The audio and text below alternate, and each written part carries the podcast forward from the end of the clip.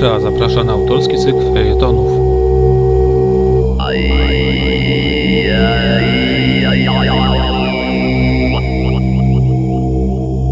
Z Altaju widać więcej. Tajemnice i zagadki Rosji według Wojciecha Grzelaka.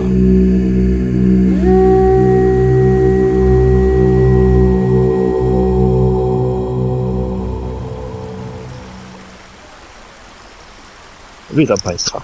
W Rosji, później w Związku Sowieckim, duże zainteresowanie właściwie do końca XIX wieku budził, budziła istota nazywana śnieżnym człowiekiem. Ta nazwa do tej pory synonim takich y, terminów jak Yeti, Bigfoot, czyli Wielka Stopa i jeszcze innych określeń dziwnej, człowiekokształtnej istoty widywanych, widywanej w różnych zakątkach świata. Badania dotyczące śnieżnego człowieka prowadzone były także w czasach komunistycznych, bardzo systematycznie, szczególnie w latach 50., w, przeważnie w różnych zakątkach górzystych Związku Sowieckiego, w Pamięże, w Tienszan, w, także na Altaju. W tej chwili również wzbudza on spore zainteresowanie rosyjskich kryptozoologów. Świadectwem tego może być choćby niedawno wydana także w Polsce książka wybitnego rosyjskiego badacza tego tematu,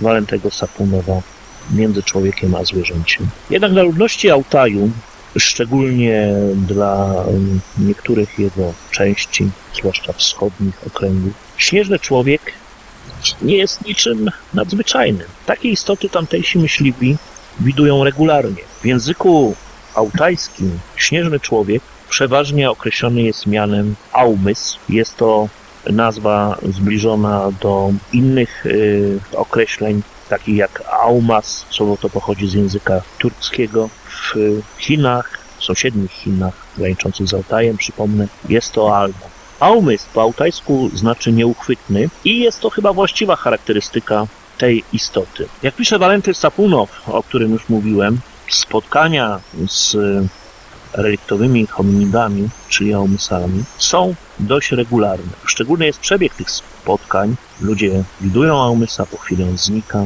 Profesor Sapunow wyjaśnia to następująco. Zdolności, które nazywamy paranormalnymi u osobników wycieńczonych, chorych mogły ulec osłabieniu. Spotkania ze śnieżnymi ludźmi mają tak dziwny przebieg, ponieważ gatunek ten zdoła wykształcić umiejętności, którymi przedstawiciele Homo sapiens mogą poszczycić się bardzo rzadko. Mam na myśli telepatię, hipnozę i szereg innych właściwości, być może także niewidzialność. Ludzkość poszła drogą rozwoju społecznego, podczas gdy naszym pobratymcom i zarazem śmiertelnym konkurentom, reliktowym hominidom, natura pozwoliła na doskonalenie uzdolnień paranormalnych.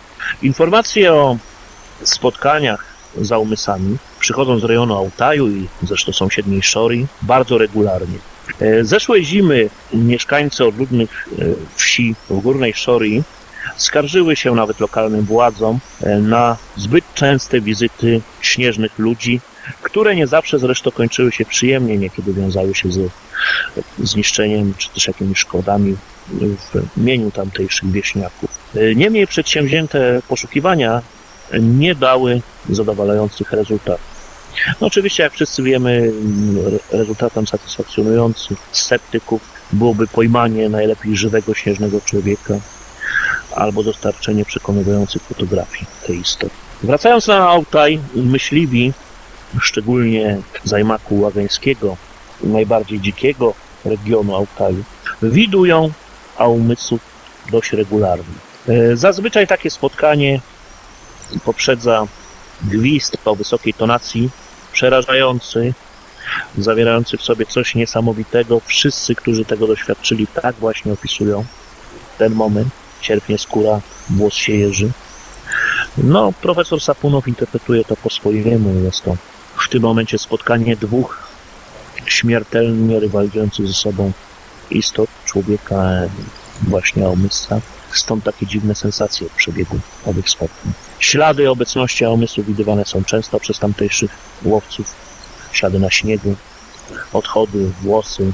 Niekiedy myśliwy wypłasza nawet e, z jego kryjówki. Czasami także łagańscy myśliwi przynosili przedmioty znalezione w legowiskach, w siedzibach, w jaskiniach przeważnie zamieszkali przez Aumysy. Były to narzędzia dość prymitywne, niemniej świadczące o jakimś słowo śladowe, może jest niewłaściwe, jakiejś innej inteligencji istot, które je wytworzyły. A umysły pojawiają się szczególnie często w pewnych sytuacjach klęsk żywiołowych, wojen. Szczególnie dużo widywano ich po trzęsieniu ziemi na Altaju w roku 2003. Istnieje nawet cała etykieta wypracowana przez tubylców spotkań za umysłami. Chodzi o to, że widząc tę istotę należy paść na ziemię, zakryć oczy kłakami i przeczekać tak chwilę. Potem umysł odchodzi w swoim kierunku, a człowiek może zająć się swoimi sprawami. Na ogół bowiem Altajczycy wiążą z pojawieniem się umysłów zwiastun jakiegoś nieszczęścia. W okolicach wsi Belkir, leżących na południowo-wschodnich krańcach Altaju, a umysły nazywane są Tuktudodo, czyli kosmate golenie. Jest to jedna z cech tych istot, ciało jest pokryte włosem.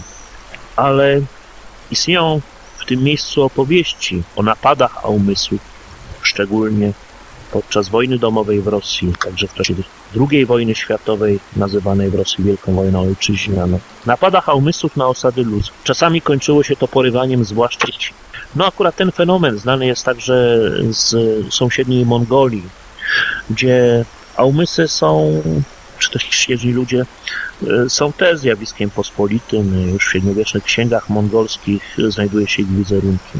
Porywanie dzieci, niemowląt ludzkich przez umysły tłumaczone jest często tym, że samica aumysa, czy też aumyska kobieta, trudno tu, możemy się tu spierać o terminologię, pozbawiona własnego dziecka, zastępuje je dzieckiem ludzkim, potrzebnym choćby do pozbywania się pokarmu. W dziejach Altaju wielokrotnie dochodziło do różnych starć Altajczyków z Aumysami. Opowiadają o tym stare altajskie legendy, jest ich dość wiele. Kilka lat temu w lodowcach Grzbietu Czujskiego została odkryta, znaleziona przez alpinistę Sergiusza Siemionowa z miejscowości Barnoul tajemnicza kończyna, tajemnicza łapa nieznanego stworzenia.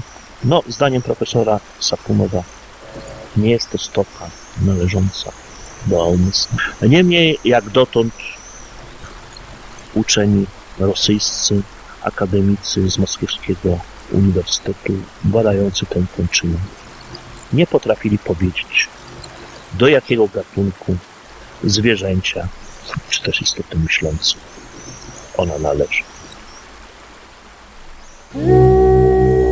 Program Wojciecha Grzelaka przygotowała Infra dla Radia Wolne Media.